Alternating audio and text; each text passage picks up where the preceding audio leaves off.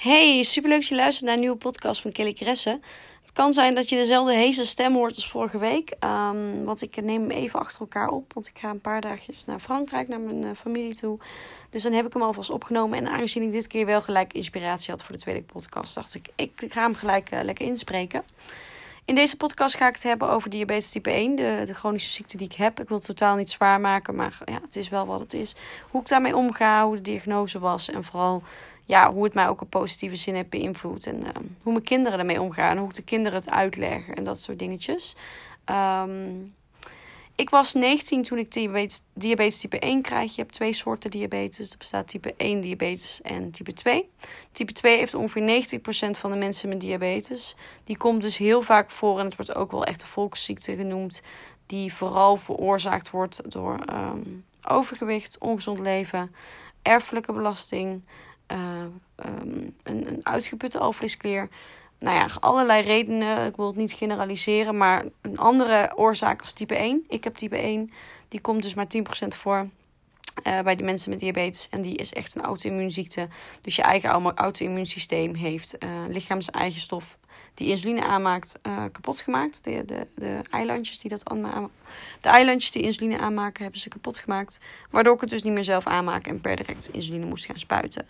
En dat is iets wat bij mijn leven hoort. Uh, ik, ik, sinds ik dat heb, moest ik leren dat ik voortaan bij alles wat ik eet of drink moet nadenken wat voor effect het heeft op mijn bloedsuikerwaarde. Hè, hoe hou ik die stabiel? Dus ik ben eigenlijk de hele dag een soort van dokter voor mezelf die continu zijn medicatie moet afstellen op hetgeen wat hij doet. De activiteiten, sport, um, emoties, hormonen, maar ook de voeding. Dus wat eet ik, wat drink ik en uh, hoeveel insuline is daarvoor nodig. Want de insuline zorgt ervoor dat de koolhydraten die je inneemt um, uh, omgezet worden tot energie, waardoor je überhaupt kan functioneren. En daardoor is het ook wel begrijpelijk dat ik ook wel, dat als je diabetes hebt, nogal last hebt van energiedips. Wanneer je wat meer vermoeid hebt, dan heb je eigenlijk als het ware een soort van. Ik bedoel, ik bedoel als je wat hogere bloedsuiker hebt, dan heb je als het ware een uh, tekort aan insuline. En eigenlijk ook een tekort aan het opslaan van de energie die je hebt uh, gegeten of gedronken. Dus um, dat uh, geeft zo zijn beperkingen. Maar ik geloof ook dat ik het al mijn reden heb gekregen. En, en ik heb er enorm veel van geleerd. Ik ben heel sterk geworden als mens. Ik ben daardoor heel zelfstandig geworden. Ik heb echt geleerd goed voor mezelf te gaan zorgen. En ik mocht er drie gezonde dochters mee krijgen. Uh, drie weken voor, na de diagnose mocht ik de liefde van mijn leven ontmoeten. Waar ik dus die drie fantastische gezonde dochters mee mocht krijgen. Dus vanaf dat moment is mijn leven eigenlijk ook alleen maar 350 graden verbeterd en, en mooi geworden. En uh, voel ik me ook heel gelukkig en dankbaar. En uh, is het gewoon iets wat bij me hoort. En er zijn heel veel momenten dat ik het. Uh, meestal vind ik het heel makkelijk. En, heb ik, en accepteer ik het. En um, vind ik het iets wat gewoon bij me hoort. En heb ik daar geen moeite mee. Um, het is niet zo dat ik dan rond dat ik denk van shit, waarom ben ik de Sjaak en niet iemand anders. Nee, absoluut niet. En natuurlijk zijn er ook wel eens momenten dat ik baal. Maar eigenlijk heb ik het heel erg geaccepteerd. En ik denk dat dat ook de manier is om er gewoon heel makkelijk mee om te kunnen gaan. En ook er makkelijker een gelukkig leven mee te kunnen leiden. Dan wanneer je heel erg in die baalmodus uh, hangt. Dus ik geloof ook dat mindset daar een heel sterk punt in is. Om uh, je daar beter in te voelen. En uh, binnen mijn relatie is het eigenlijk ook altijd iets heel normaals geweest. En ik wist natuurlijk ook niet beter dan dat ik dit heb toen we onze eerste date hadden, heb ik het maar ook gelijk verteld. En hij heeft me gelijk omarmd zoals ik ben. En weet niet beter dan, dan dat, dat een relatie met mij betekent dat je ook een relatie hebt met iemand die, nou ja, bijna de hele dag in de weer is met insulinepennen. Toen nog een insulinepomp trouwens. Um, bloedsuikermeter.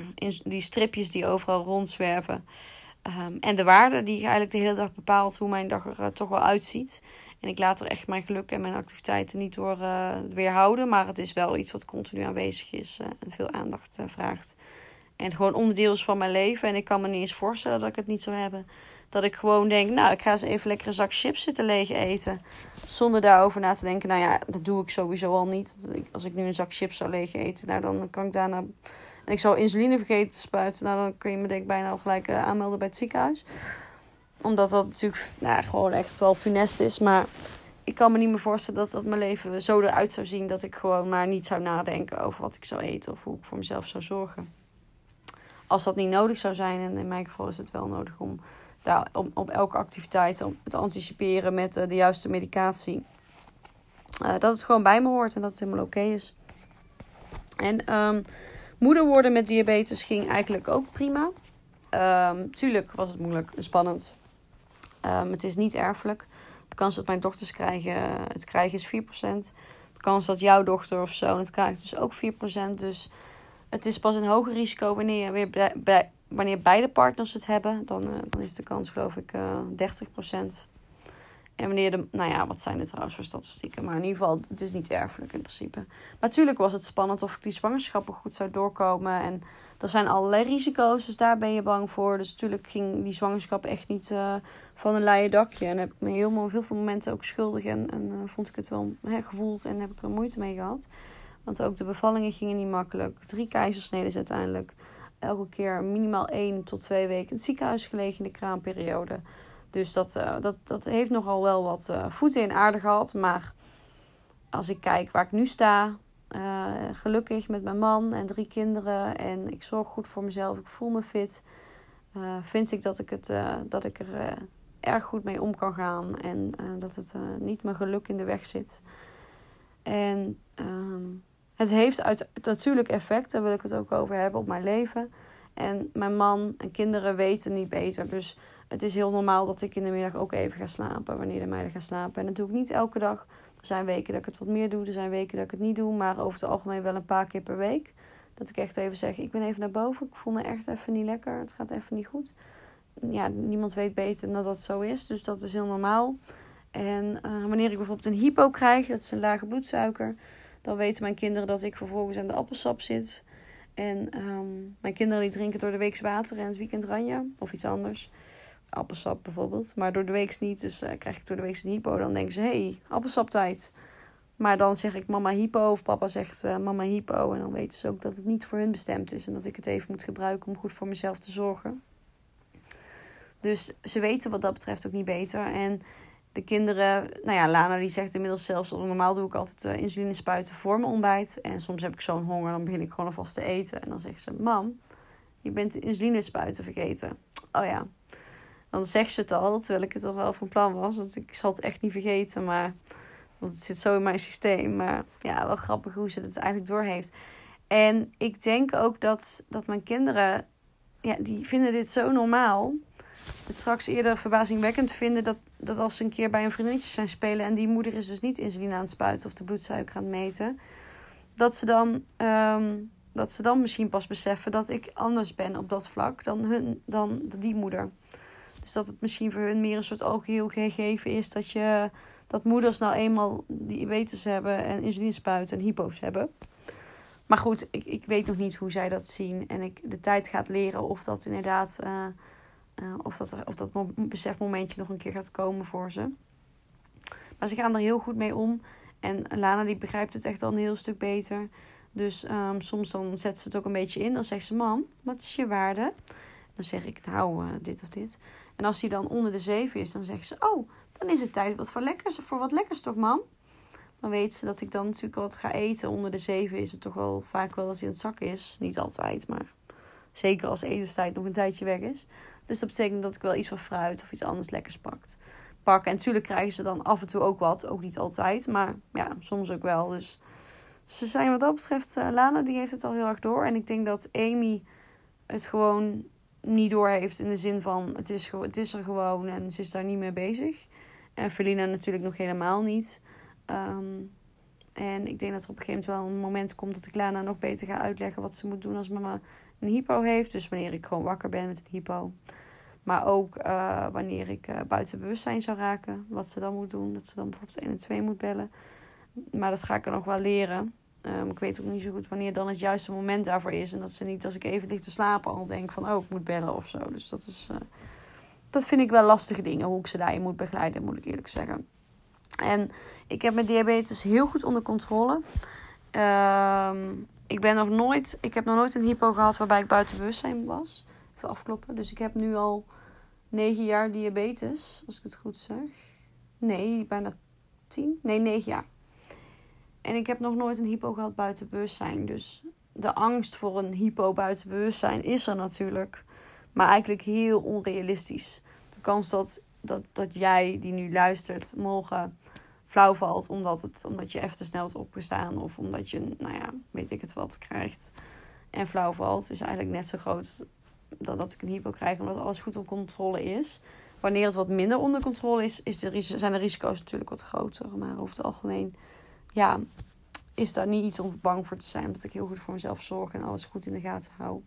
En mijn lichaam echt zie als een, ja, hoe zweverig het ook klinkt, maar als een, ehm, ja, ik zie mijn leven, lichaam als een soort tempel waar ik goed voor moet zorgen, omdat ik gezond oud wil worden.